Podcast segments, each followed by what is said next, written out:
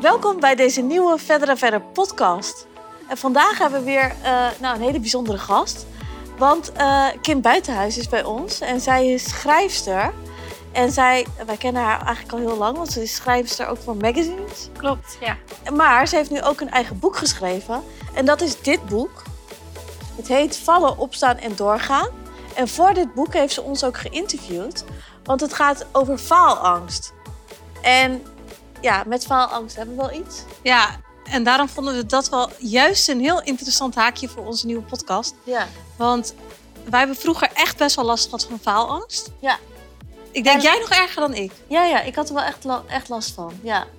Ja, En ik ook Als, als ja. ik bijvoorbeeld voor de klas moest, moest staan en de leraar vroeg mij wat is 1 plus 1, dan wist ik het gewoon niet. Nee, Ik klapte helemaal dicht. ja. Ik, ben, ik heb ook nog steeds dat ik niet zo iemand ben.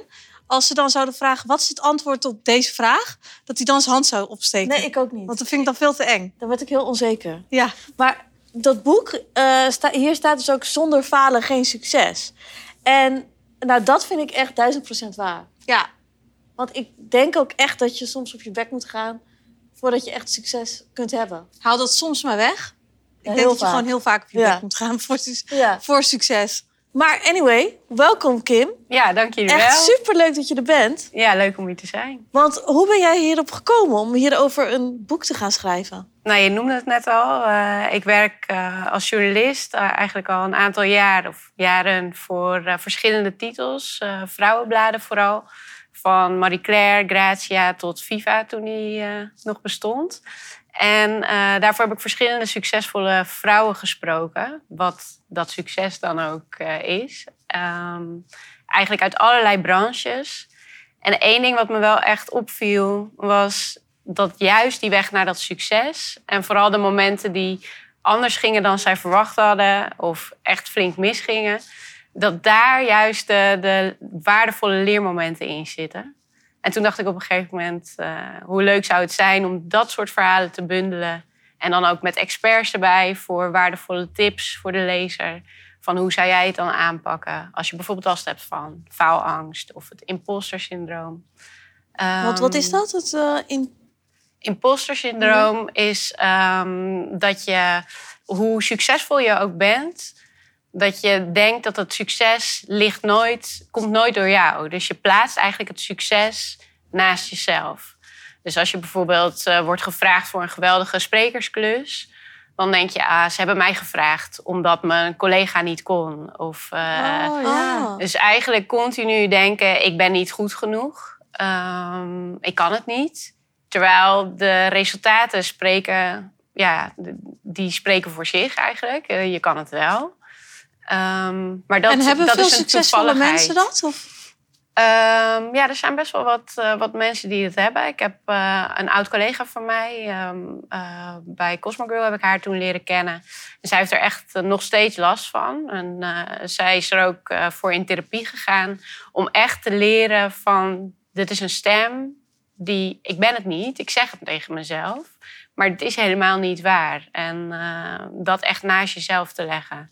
En ook juist te gaan kijken van... Oké, wat, wat heb ik wel allemaal niet bereikt? En je echt ervan bewust te worden dat het iets is wat je jezelf aanpraat. En dat het helemaal niet zo, eh, dat het helemaal niet zo is. Maar eigenlijk is het dus ook een gedeelte mindset. Zeker, ja. Maar sowieso, met, eh, ook met faalangst bijvoorbeeld.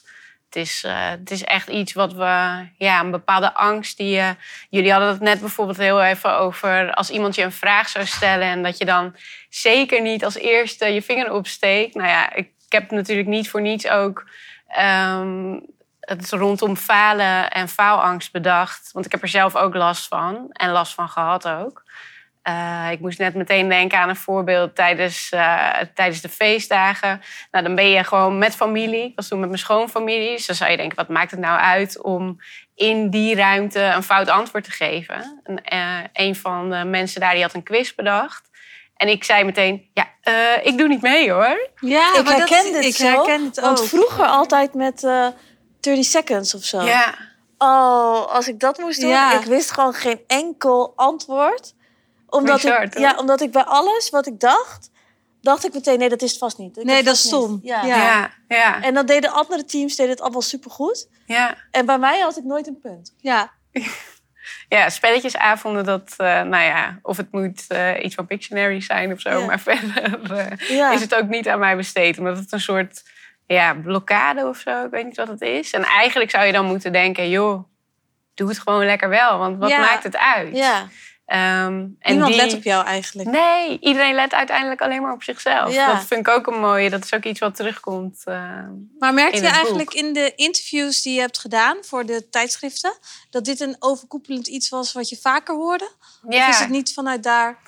Ja, het- is vooral ook dat ik merkte van die leermomenten, dat, daar zit het hem in. Dat is interessant. En niet alleen het perfecte plaatje ook, wat we allemaal zien. Eh, kijk, tuurlijk, iedereen post geweldige resultaten op socials. Ehm, maar juist die weg er naartoe en ook nog steeds. Ook al heb je je succes, nou ja, jullie weten er, alles van. Juist op die weg, nog altijd gaan er dingen mis. En hoe ga je daarmee om? En ook, wat is eigenlijk goed en fout? Of wat, wat de een een falen vindt, ja, dat is voor de ander, ziet dat helemaal niet zo. Maar kijk, eigenlijk vind ik het stom. Want op Instagram zie je eigenlijk altijd alleen van mensen het perfecte plaatje. Je ziet alleen de successen. Ja, Maar je ziet nooit wat er daarvoor eigenlijk allemaal is misgegaan ja, om daar te komen. En soms zou ik wel iets meer willen aan de jongeren, zeg maar, van nu, willen laten merken van, ja, wij maken ook fouten. We hebben zoveel fouten gemaakt. En precies. we- weet Ja. je, ik was ook onzeker. En eh, ik vond het ook, het is ook moeilijk om te komen waar ik nu ben. Ja, Alleen dat zie je eigenlijk van niemand op social media. Dus ik denk ook wel voor de jongeren van nu is het heel moeilijk om dat te beseffen. Ja. Dat, dat het gewoon moeilijk is om ergens te komen. Ja, alleen ik heb ook wel het gevoel, als je dat nu doet op social media... dat mensen het dan ook wel een beetje met zo'n verkeerde inslag doen. ja precies. Van, ja. Je moet het, ik heb het in het eh, boek, spreek ik dan verschillende vrouwen, maar ook experts. Eh, waaronder een vouwkundige, Saakje Bakker. En zij ligt dan op verschillende onderwerpen ook, eh, nou ja, geeft ze tips. En zij zegt ook, deel het alleen met je via social media als, als er ook voor anderen een waardevolle les in zit. Dus niet alleen om te kijken van, kijk eens hoe ik op mijn bek ben gegaan. Ja. Maar ook echt als het een toegevoegde waarde heeft voor anderen. Ja. Ehm, dus aan de ene kant wat jij ook zegt, weet je wel, laten we lekker met z'n allen dat, dat masker afzetten, de lat verlagen. En niemand is perfect. Dat is maar goed ook. Dus dat vooral ook laten zien, ehm, ja, ben ik zeker helemaal voor. Ik heb ook rond de release eh, had ik bedacht van nou, laten we een vier je falen dag in het leven roepen. Juist om lekker op die dag, op 13 juni en dan gewoon ieder jaar, in ieder geval dan eh, ja, de op je bek gaan mo- momenten te delen, zeg maar. Maar dan wel met in je achterhoofd van oké, niet alleen ehm, om daarmee in de picture te staan, maar ook echt om een waardevolle les met een ander te delen. Ja, dat vind ik dat echt vind ik echt ook wel echt een hele goeie.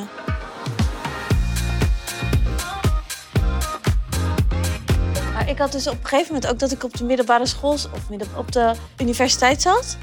En ik zat denk ik in de twee, in, ja, tweede leerjaar. En ik had zeg maar alleen maar drieën, tweeën, vieren. Gewoon echt. Nou, ik durfde niet eens meer. Als een cijferlijst online kwam, ik durfde er niet eens meer naar te kijken, omdat het gewoon alleen maar echt dikke onvoldoendes altijd waren. En ik had boeken voor me. En ik snapte gewoon echt de titel van het vak snapte ik al niet. Ik snapte niet wat er in het boek stond. Dus de kans dat ik dat zou halen was zeg maar zo klein. Dus op een gegeven moment had ik ook echt dat ik, dat ik dacht... oké, wat ga ik nu met mijn leven doen? Want ik kan niet meer verder. Ja, Want ik kan het niet halen. Maar ik kan ook niet terug, want dan moet ik die studieschuld gaan afbetalen. nog meer druk op je Ja, schouders. Ja. dus Ja. ik was echt dat ik dacht... wat moet ik in godsnaam in mijn leven gaan doen? Want ik was nog niet natuurlijk met het ondernemen begonnen. Dus voor mij was die situatie zo uitzichtloos. En toen kwam jij een keer met het boek The Secret thuis. Ja, En toen zei je, oh, dit moet je echt lezen. Bij mij heeft mijn leven echt veranderd. En dat gaat natuurlijk heel erg over mindset. ja. En eerst, als ik dus een tentamen ging maken, dan dacht ik alleen maar: ik kan het niet, ik kan het niet. Ik ga sowieso weer, weer eh, zakken. Ik, eh, weet al, ik weet al de eerste vraag niet, weet je wel zo. Dat. De hele tijd die gedachten tegen mezelf. En op een gegeven moment had ik dus echt die switch gemaakt. Dat ik echt een keer ging proberen van... oké, ik ga gewoon zeggen dat ik het kan. Ja. Dat ik gewoon heel rustig ga ademhalen. Als ik de eerste vraag niet weet, misschien weet ik de tweede vraag wel. Dus dat ik echt in één keer alles positief ging benaderen. Toen heb ik uiteindelijk heb ik de laatste twee jaar heb ik in één jaar gedaan. Wat goed. Terwijl ik echt niet veel beter was dan daarvoor. Maar het is puur mindset. Precies. En Wat je tegen jezelf zegt. altijd bang om te falen. Ja. Ja. en ik denk dat dat ook wel belangrijk is, ook gewoon bij jongeren. Want je merkt toch ook heel... Ja. Ik heb best wel dat ik altijd dacht van de rijles. Ik vond rijles vond ik verschrikkelijk. Ja. Ik Zwarte bladzijde uit mijn leven. Ja, dat, dat zo iemand naast je zit. Ja. En dan de hele tijd tegen je zegt van aan het ingrijpen is van nee, ja, Ja. dat doe je toch niet Ja. zo. En dat Ja, doe je toch doet zo. alles verkeerd. En meestal is zo'n eh rijinstructeur ook nog zo'n botte boer, weet Ja. je wel, die niet in het vrouwen Ja. mee kan denken. echt verschrikkelijk. En, Ik heb staatsexamen gedaan. Ja. maar ik hoor wel van heel veel, van echt van heel veel mensen, dat die dat ook zo Ja. hebben ervaren. Dus ik was echt Ja. niet de enige die dat zo ervaarde. Maar ik denk, dat is ook gewoon een mindset. Ik denk dat het... Nou ja, ik denk toen wij eh, rijles deden, nou, de- 15 jaar geleden of zo... Ja. dat dat veel minder zo was, dat je positief tegen jezelf praatte. Dat is veel meer van de laatste tijd. Zeker. Maar Ja. ook mijn, onze ouders zeiden ook altijd van... zeg maar niet dat je denkt dat je het gaat halen... want als je dan eh, ga- gaat zakken, dan eh, sta je echt voor gek. Ja, ja, ja. Zeg maar, zo werd je meer opgevoed. ja. Ja, en ik denk dat het, het is wel meer van nu om heel positief tegen jezelf te praten. Om, weet je wel, de- je falen eigenlijk te, te embracen. ja, Dat was zeker. toen eigenlijk helemaal niet Ja. zo. Dan moest je er eigenlijk veel meer voor schamen dan dat het nu zo is. En daarom vind ik het juist wel heel goed dat er gewoon dus boeken zijn die, die worden geschreven. Ja. Dat het eigenlijk iets positiefs is in plaats van iets negatiefs. Gelukkig is, merk je nu echt wel een, een omschakeling van, ook van denken, maar ook dat veel meer vrouwen, mensen er open over zijn. Eh, dat heb ik ook gemerkt dan met het boek. In eerste instantie was ik bang om vrouwen te benaderen, omdat ik dan dacht van, oh jee, straks denken ze, wat vind je mij voor een loser? Ja. Eh, moet ik eh, alleen maar, ik heb niet alleen maar missers gemaakt. Dus die drempel voor mezelf had ik met die gedachte ook heel hoog gemaakt. Ja. Totdat ik op een gegeven moment dacht van, nou ja, ik wil het gewoon gaan proberen. Fuck it. Ja. Ik vraag het dan eh, aan de eerste. En zij was heel enthousiast, vond het een eer. En zo zijn er steeds Want meer. wie heb je allemaal ehm, geïnterviewd hiervoor? in totaal 41 eh, verschillende vrouwen. Zo, dat is echt veel. uit verschillende branches. Nou ja, jullie eh, natuurlijk over, eh, over faalangst, maar ook streven naar, eh, naar succes. Ehm, een onderhandelcoach, Merel van der Woude. Over het falen en onderhandelen. Waar die combinatie, zeg maar, aan de onderhandeltafel... willen we onszelf ook nog wel eens in ons hoofd naar beneden praten. Van ben ik het wel waard of niet? Ehm, investeringsexpert Eva de Mol. Ja. Zij eh, helpt veel ehm, eh, vrouwen met hun start-up om eh, goede investeerders naar zich te trekken. En zij merkte bijvoorbeeld ook, ehm nou ja, ze zegt ook in mijn branche, mijn business is het gewoon eh 9 van de 10 eh, slagen niet. Dus je bent vooral heel veel bezig met, met shit opruimen, zeg maar. Maar op het moment zelf is dat niet per se heel leuk. Alleen achteraf kan je wel denken: hey, dat heb ik toch maar eens eventjes goed voor elkaar gekregen. Of dat heb ik toch wel goed gedaan. En ook met de vrouwen met wie zij dan aan tafel zit, merkte ze dat die vrouwen, bijvoorbeeld dan vroeg ze van, eh, joh, eh, en vertel over je bedrijf. Eh, zie je jezelf als, als CEO? En dan kreeg ze vaak een soort vertwijfeld antwoord van, nou ja, ja, ik weet het niet, misschien. Dus zei ze ook, oké, ho, stop. Dit kan je tegen mij wel zeggen, maar straks met investeerders aan tafel, weet je wel, zeg gewoon ja, ik ben de CEO. Ja, Ja. Vol zelfvertrouwen, geloof erin. Want als jij er niet in gelooft, ja, dan Gaat gaan anderen nee, er ook niet in geloven. Dus dat soort. En ze, ze gaf ook een goede. ehm, wat zij dan weer van een motivational coach had gehoord. Die zei. eh, ehm, failure always gives you ehm, a gift. The gift is called experience. Vond ik ook wel weer een Oh, mooie. dat is wel een Ja. goeie. En jullie hadden het ook over eh, cadeautjes, om het ook Ja. zo op die manier te zien. Ehm, en het ook echt ja, leren omarmen. En het- wat ik eerder al zei, wat is goed, wat is fout. Ehm Lonneke Notenboom, stylist. Zij vertelde ook dat ze vroeger ehm, last had van faalangst. En ook juist door jezelf dat soort vragen te stellen van... wat doe ik allemaal goed? En wat is goed? En wat is fout eigenlijk? Eh, wat heb ik allemaal al bereikt? ik ben goed bezig. Weet je wel, dat soort dingen. Jezelf ook ehm, daarvan bewust te maken. Dat, eh, dat helpt heel erg. Maar ik zie het bij mezelf ook wel echt zo. Dat ik, eh, wij hebben natuurlijk met verder en verder. En over het algemeen hebben we afgelopen jaren heel veel successen behaald. Ja, En waar ik echt heel trots op ben. Maar we hebben ook echt heel veel gezeik gehad. Dus echt ja. heel veel gezeik. ja, En dat is natuurlijk het enige wat wij zien. Maar voor mij is het wel echt gelijk aan elkaar. ja Dus ik heb heel veel successen gehad. Maar ik heb ook meer gezeik dan het gemiddelde mens gehad. precies. Dus eh, ik denk, je hebt het voor- een en het ander nodig. Ja. voor ook. mij is het evenredig aan elkaar. Dus Ja. ik denk altijd, Maar dat zien mensen niet. Nee, dan denk ik altijd, eh, ja, superleuk. Want nu zijn we dan uitgeroepen voor on- ondernemer van het jaar. Ja. Of tenminste genomineerd, Ja. niet uitgeroepen. en eh, ik heb toch wel dat ik, dat ik daarin denk van, ja, ja, een hele mooie nominatie natuurlijk. Ja, Maar ik heb ook zoveel fouten gemaakt die daar tegenover staan. Dus ik voel me eigenlijk helemaal geen ondernemer van het jaar, want ik heb heel veel fouten gemaakt. maar Maar ja, aan de andere kant had ik nooit hier kunnen zijn zonder die fouten. precies. Want dan had ik niks gedurfd. precies. Dus het is echt, het een is afhankelijk van de ander. ja, En dan denk ik, ja, ik, wij hebben wel eens een gesprek gehad van, is dat alleen iets wat wij zo, wat bij ons zo is, of is dat bij elke ondernemer, ja, ja. bij elke succesvol persoon dat die Ik gewoon... denk het wel. In ieder geval bij de 41 die ik heb gesproken wel. Ja? Nou, dus dat zijn er al in ieder geval. dat, is, dat is wel een paar. Ja, Ja. nee, ik merkte wel, en dat vind ik ook wel mooi. Echt ook, nou ja, ondernemers zoals jullie.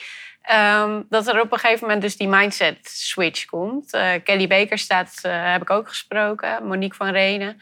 En zij, ehm, zij hebben ook zoiets van, ja, eigenlijk fouten bestaan gewoon niet. Je, het zijn leermomenten, hobbels waar je overheen moet. En eh, Kelly vertelde bijvoorbeeld dat ze...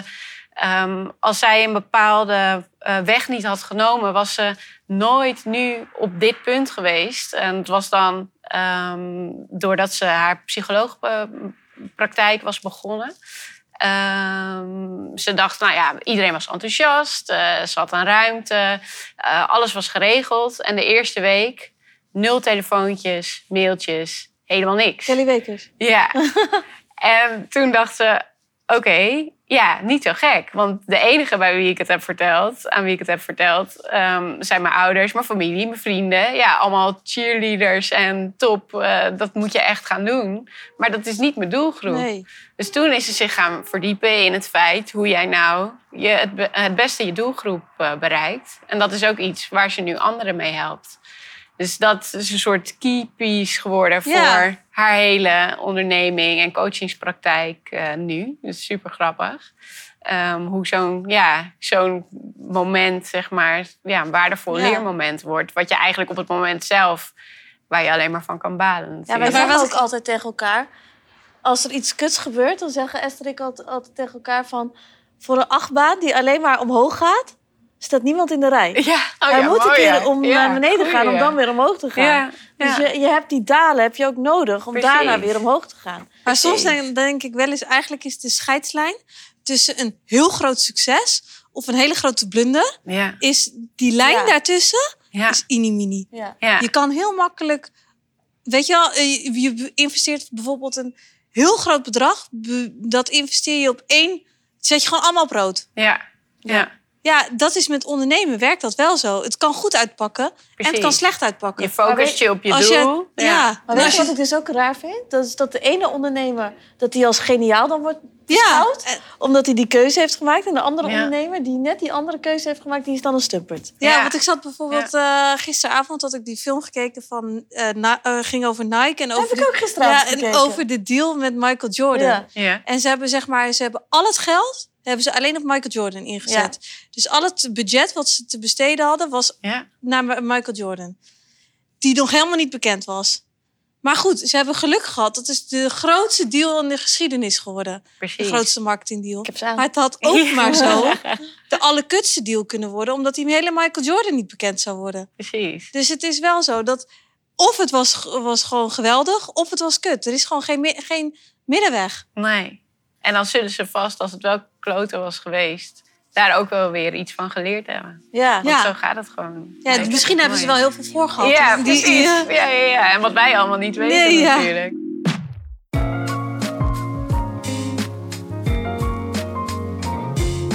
Als ik terugkijk naar de afgelopen 15 jaar, zeg maar. En eh, naar de, wanneer ik zeg maar, het meeste last heb van, had van faalangst... die periode uit mijn leven zie ik wel echt als een donkere periode. Ja, achteraf als je had geweten Ja. hoe je daar eerder uit had kunnen komen, had je dat waarschijnlijk wel gedaan. Ja, ik Ja. denk niet met heel veel vreugde terug aan die periode. Ik vond het Heftig echt... is dat, hè? Hoeveel invloed dat kan hebben ook op Ja, je, maar op je gewoon leven. Alles mislukte ongeveer ook in mijn leven. Ja. Wat je Maar dat- alleen maar meer als een soort failure eh, Ja, en voelt. Het is Ja. een soort, eh, hoe heet dat? Self-fulfilling prophecy, weet ah, je wel? Als ja. je, dus dat, als je denkt dat het mis gaat, dan gaat, weet je wel? Ja, maar dat is ging, alles zo. ging mis. Als je denkt, ik kan heb het serieus niet. heb ik vijf keer een examen moeten doen voor mijn rijbewijs. Op een gegeven moment moest ik eh, een staatsexamen doen. Ja, En dat is dus voor mensen met faalangst. ja. Eh, en nou, dat was eigenlijk wel echt heel relaxed. Want dan, dan mag je dus om Dat de is dit vijf is een minuten... dieptepunt. Ja. Verder kunnen we niet. Om de vijf minuten mag je dan zeg maar langs de kant gaan staan en heel diep ademhalen. Maar ja, als stel je voor je had dat dan ook niet gehaald, had je dan niet helemaal gedacht. Ja, maar, dat, maar weet je wat dus het verschil is? Omdat je dus... Je krijgt dus iemand die dat examen gaat doen... die gewend is om met mensen om te gaan met faalangst. Ja. Ja, Dus dat die neemt de tijd voor je. precies. Dus je, je krijgt iets meer tijd om elkaar te leren kennen. Dan ga je een rondje rijden.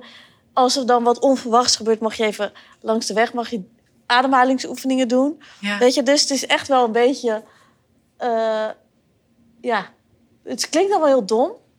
Maar uiteindelijk, eh, de mensen die heel erg last hebben van faalangst, hebben gewoon iets meer aandacht nodig. En iets meer rust nodig dan precies. Ja. andere mensen. Die denken dat ze het wel gewoon Ja. halen en er even tussendoor fietsen, zeg maar. ja. Maar ik was daarin wel een beetje zo'n probleemkindje hoor. ja, en toen mijn ouders ook nog zeiden Ja. van Anne is echt een pechvogel. Ja. Toen was het voor jou eh, Toen genoeg. had je het label... Maar mijn moeder noemt me nu nog steeds een pechvogel. Terwijl ik aan mezelf, eh, omdat ik dus ook een paar keer van de trappen heb gevallen, verschillende dingen heb gebroken, weet ik veel wat. Maar nu, als dat, mijn moeder dat tegen mij zegt, ze kan het nog steeds één keer in de zoveel tijd tegen mij zeggen, dan zegt ze midden in een gesprek, zegt ze in één keer, ja, maar Anne, jij bent echt een pechvogel. En dan zeg ik, mam, ik ben geen pechvogel, ik ben een geluksvogel, zeg ik dan. Want als ik naar mijn leven kijk, dan vind ik juist dat ik heel veel geluk heb gehad in mijn leven. Wat ik allemaal heb gedaan en waar ik allemaal kom en wat ik allemaal heb meegemaakt. Maar Je hebt doordat, de pech an- achter je gelaten. ja, maar doordat, an- doordat bijvoorbeeld anderen zeggen dat je een pechvogel bent en je gela- gaat er zelf in geloven, Ja, moet je niet dan word je eh, ook een pechvogel. Precies, precies. Dus Maar als je faalangst hebt, Ja. hoe kan je daarmee omgaan? En hoe kan je daaruit komen? Ehm, van vouwkundige zaakje bakker heb ik geleerd dat het alles te maken heeft met latverlagers en moedverhogers. Dus je hebt een bepaald doel, dat wil je doen, daar ben je bang voor vanuit die faalangst. Dan is het heel belangrijk om de lat voor jezelf te verlagen door kleine stapjes te zetten. Dus in plaats van die marathon rennen, ga je eerst starten met een kilometer, zeg maar. En zo, als je merkt van het hey, dat lukt, dat kan ik. Dus laten we het voorbeeld nemen van die quiz waar wij zo bang zijn, voor zijn. Laten we eerst eens beginnen met voor jezelf die quiz te maken. En met, in plaats van met 30 vragen met vijf te beginnen. En als je er vier van de vijf goed hebt, dat je denkt, hé, hey, eigenlijk toch niet zo gek. En zo steeds meer stapje voor stapje verder gaan. Maar in heel veel dingen word je toch wel een beetje in diepe, tenminste, dat overvalt je. Zeker. Dat kan je niet voorbereiden. Dus als iemand Zeker. zegt van, kom, we gaan samen 30 sec- seconds doen. Ja. Ja. ja, dan zeg je nou, ik doe even niet mee. Nee, dan zou je kunnen zeggen, ik ga het gewoon proberen. Omdat het mijn vrienden zijn. Dus waarom, hoezo, weet je wel, Ja. het maakt niet uit dat je een fout maakt. Dat alleen al is, is een fijne gedachte. Wat ik ook heel fijn vond aan het boek om te merken... het hele proces, zeg maar... dat iedereen dus wel eens de mist ingaat. Dat, dat je je dat beseft ook. Je bent niet de enige. Dat, eh, dat is ook heel erg fijn. Wat ik ook eigenlijk heel grappig vond, is dat wij eh, eh, hadden zo'n zo'n trainingsdag van de EY Entrepreneur of the Year. Ja, we zaten in het groepje met ondernemers die echt letterlijk omzetten van 750 miljoen hebben. Dus dat waren echt hele goede ondernemers. En die moesten allemaal een eh, bedrijf of in hunzelf moesten pitchen in eh, 90 seconden. En dan werd je echt zo voor de klas gezet van ga maar over jezelf vertellen. En best wel stunten allemaal. Dus echt waren echt- zenuwachtig Ja, eh, kwamen niet uit hun woorden. Het leken gewoon kleine jongetjes eigenlijk die weer voor de klas stonden. mooi en toen dacht ik, wow, echt waarschijnlijk. Hun hele omgeving kijkt echt torenhoog tegen ze op. Van Ja. wow, wat diegene heeft bereikt, dat kan ik nooit. En die kan dat wel en weet ik veel wat. Terwijl ik opeens met hele andere ogen daarnaar keek. Dat ik dacht van, ja, maar die mensen die doen ook maar wat. Ja. Ja, En die vinden het ook spannend om Ja, het podium en ook te pakken. moppelen, mompelen in één keer, niet weten wat ze met hun handen moesten doen. En ja. gewoon helemaal niet charismatisch of zo. ja. Terwijl eh, de- heel Nederland wel naar hen kijkt als Ja. heel charismatisch. Maar op het moment dat ze in één keer voor de leeuw worden gegooid, is dat in één keer... precies. Terwijl ik dacht, weg. dit zou iedereen eens moeten zien. Ja. Gewoon, Ja. En ook hetzelfde geldt voor ons, hè? Dus dat wij soms zitten te stuntelen en zo. Ja. Dan denk Ja. ik van, eigenlijk is dat juist goed om een keer te zien. En dat Ja. je de, de- dan toch wel op een andere manier ook naar mensen kijkt. Dat je gewoon menselijk bent. Dus. Ja. Ja. ja, Ik had het met Zaakje bijvoorbeeld ook over het feit dat je je podium pakt. En echt letterlijk, eh, zij merkte dan, de vrouwen die ze hebben geleid... die hebben ook echt moeite met ehm, presenteren, spreken. En dat ze ook zei van ja, waar het vaak misgaat... is dat we de mensen voor ons als één groot monster zien. Dus dan hoor je wel eens dingen als... eh, pik eh, ergens achter in de zaal een plek waar je dan naar gaat kijken. Dus vooral niet die mensen aankijken. Ze zei, ja, nee, dat moet je dus wel doen. Want daarmee maak je contact, maak je de mensen gewoon mens. En ga je echt bijna een soort gesprek aan met het publiek. Dan maak je het ook voor jezelf leuk. Ehm, zij heeft dat zelf ook gedaan. Zij heeft ze- zelf daarmee ook haar presentatie en spreekangst echt overwonnen. Eh, en op een gegeven moment dacht ze ook bij de zoveelste presentatie van... hé, hey, ineens kreeg ze zo'n momentje op het podium. Ik vind het gewoon leuk. En dat is natuurlijk ook iets wat we niet moeten vergeten. Ik had bijvoorbeeld met ehm eh Noepoer Koli, een van de vrouwen uit het boek. Zij eh, heeft ook verschillende TED-talks gehouden. En ze zei ook van ja, wat ik me ook zelf, wat ik mezelf altijd afvraag, heb ik nog een glimlachmomentje op een dag? Weet je wel, in hoeverre vind je iets nog leuk wat je aan het doen bent? Dat is natuurlijk ook ontzettend belangrijk. Ja, En ehm, bijvoorbeeld, nou ja, we hebben het over falen gehad, maar ook over blunderen. Er is wel een verschil ook eh, tussen. En Want vaak op het moment. Ja, falen is meer ook afhankelijk, hang je heel erg aan je eigen waarde. Dus je zelfbeeld. Ik vind mezelf, ehm, ik ben gefaald, ik voel me gefaald. En een blunder kan meer iets zijn van, oeps, dat was even onhandig. Ehm, falen iets groter dan een blunder. ja. ja. Maar is een blunder wel een blunder als je het zelf niet als een blunder ziet? Nee, dat is een goede vraag. Kijk, als je zelf iets niet als een blunder ziet, is het dan een blunder? Nou ja, het gaat er denk ik uiteindelijk om wat jij er zelf van vindt. Voor jezelf. dan. Een blunder is denk ik iets meer iets wat je even per ongeluk doet. Ja, zoals een, een mailtje versturen naar je hele Ja. mailadressenbestand. Terwijl die voor één was, eh, was bedoeld. Maar ik denk falen is echt iets bedachtzamer of zo. Ja, en ook dat gevoel van Dat je- faalangst. ja. dat, je, dat je iets niet durft omdat je bang bent om te falen, zeg maar. En blunderen. Ik heb bijvoorbeeld verschillende vrouwen gesproken die dan op het, eh, op het podium staan en ineens. eh, Lotte Rensen was er een van. eh, ambitieuze meisjes heeft zij opgericht. En zij vertelt dan een verhaal over een, een groot, groot event. Of nee, Ehm, zij moest dan een taak overnemen van een collega van haar, de, de directeur. Die ging op vakantie en die zei: Joh, doe jij dat event maar. en je, het enige wat je hoeft te doen is iemand aankondigen. En, eh, maar ze had het in haar hoofd zo groot gemaakt van ze moest de directeur vervangen. En ze was in die periode ook nog eens genomineerd voor een eh, FIFA 400 award. En toen had ze de hoofdredacteur van FIFA had ze uitgenodigd, onder andere. Dus het was een soort. Ze stond op het punt ook om een contractverlenging te krijgen. En toen stond ze eenmaal op dat podium en toen kreeg ze dus een dikke blackout. Ehm degene die zij aan moest kondigen, daar wist ze ineens de naam niet meer van. Dus ze zei ook, het was echt zo'n Bridget Jones moment. Ja. En dat iedereen had natuurlijk ook door, oké, je zegt niks. Dit is, dat gaat even niet goed. En toen zei die man dus zelf, zal ik mezelf anders maar eventjes eh, aankondigen? Dus toen is ze echt, nou ja, met het schaamrood op de kaken, schuivend van het podium afgegaan. En op dat moment dacht ze, oké, dit is einde carrière. Eh, die FIFA 400 award krijg ik niet. Eh, mijn contract wordt niet verlengd. Eh, erger kan niet. Maar dat moment staat natuurlijk compleet los van alles wat ze tot, dat toen, tot dan toe had gepresteerd. Dus ze kreeg de contractverlenging gewoon en ook de award. En dat is wel grappig dat je het in je hoofd zo Ja. Kan het veel kan erger zijn. koppelen. En Ja. zo ook dat je denkt, oké, dit was het einde van alles. En achteraf gezien, ja, nu kan ze er ook gewoon keihard om lachen, zeg maar. Maar Daarom zijn dus- heel veel dingen natuurlijk overkombaar. En, overkombaar. en kan je Ja. het natuurlijk beter allemaal in perspectief plaatsen van hoe erg is dit nou dat dit gebeurt. Zeker. Maar ook toen ik moest pitchen bij dat EY, had ik ook dat ik even vastliep. Had je dat Ja. wel?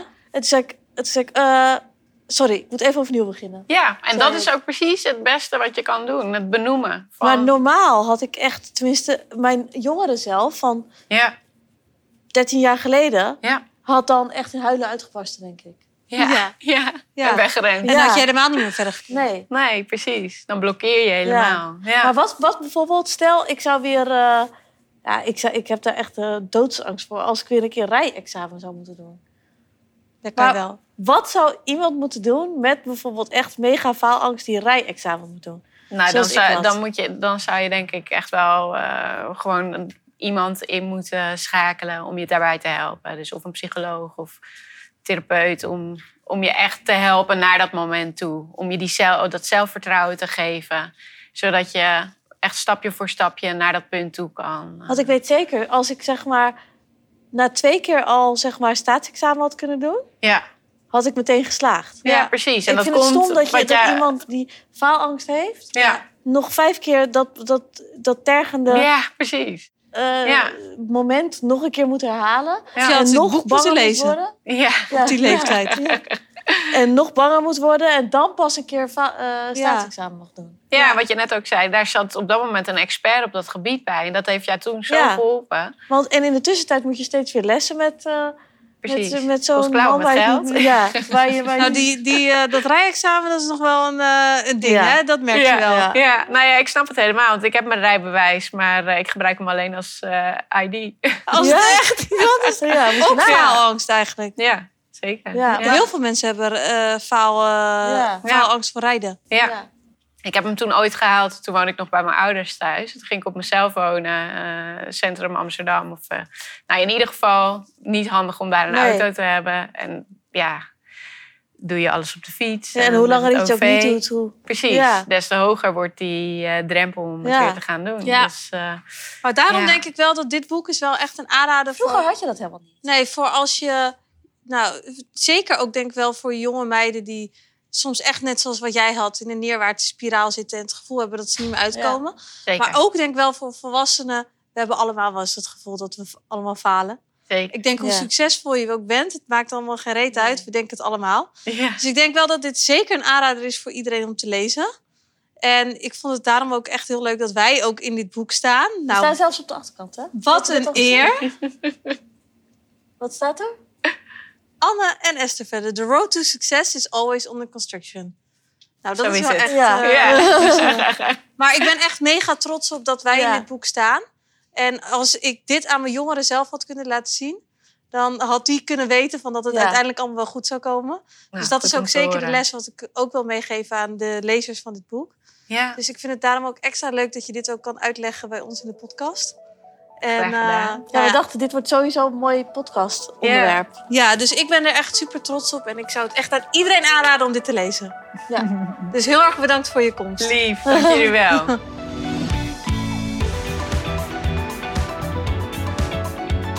Ik wist wel dat dit echt een heel bijzonder onderwerp zou worden. Jij niet? Ja, maar ik had eigenlijk vroeger nooit verwacht dat we nu hier over dit onderwerp zouden praten En dan, in, in onze eigen podcast. en dan met de wetenschap van nu. Ja, Maar ik heb dus ooit een keer hypnosetherapie gedaan. ja. En daarbij zei die vrouw van... Beeld je je jongere zelf in. Dus hoe je klein was, zeg maar. En neem die aan de hand of pak die op. En laat haar je leven van nu zien.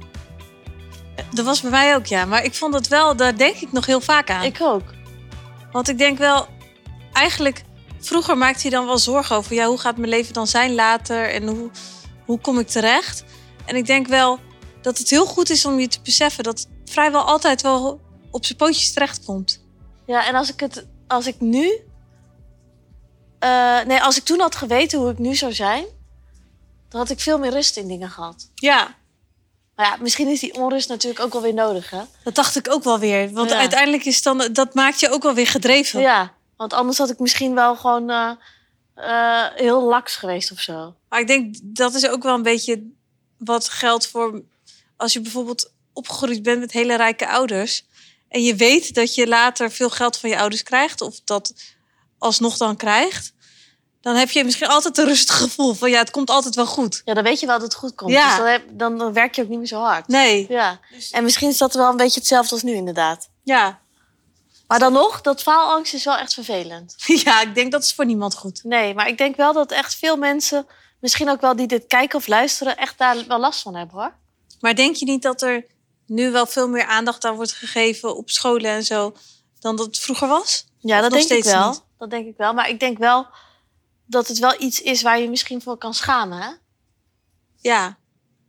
Terwijl ik nu- Het zit ook meer in je hoofd alleen. Ja, terwijl ik nu denk, het is echt niks om te schamen. Nee. Maar daarom denk ik wel dat het goed is om er juist over te praten. Omdat je dan erachter komt dat je niet de enige bent. Ja, Dus dat er heel veel meer mensen zijn die er last van hebben. ja. Ja. Nou ja, in ieder geval wel echt super interessant onderwerp. Ja. Ik ben blij dat ik er wel vanaf ben. Ben je er helemaal vanaf? Nou, 30 seconds vind ik nog steeds wel moeilijk hoor. Ik ben er niet helemaal vanaf. Ik denk voor een klein gedeelte heb ik nog wel faalangst. Ja, zoals bij 30 seconds of zo. Ja, of als ik opeens voor een groep iets moet doen of zo. Ja. Ja. Dan kan ik wel echt denken, ik kan het niet. Terwijl je wel als voorbeeld in het boek wordt gebruikt. Dus dat is wel weer grappig dan. Ja, wat een Ja. contrast dan, hè? ja. Oké. Nou. Nou, weer heel erg bedankt voor het kijken en luisteren naar deze podcast. En nou, wij gaan weer bezig met de volgende Ja. podcast. Dankjewel.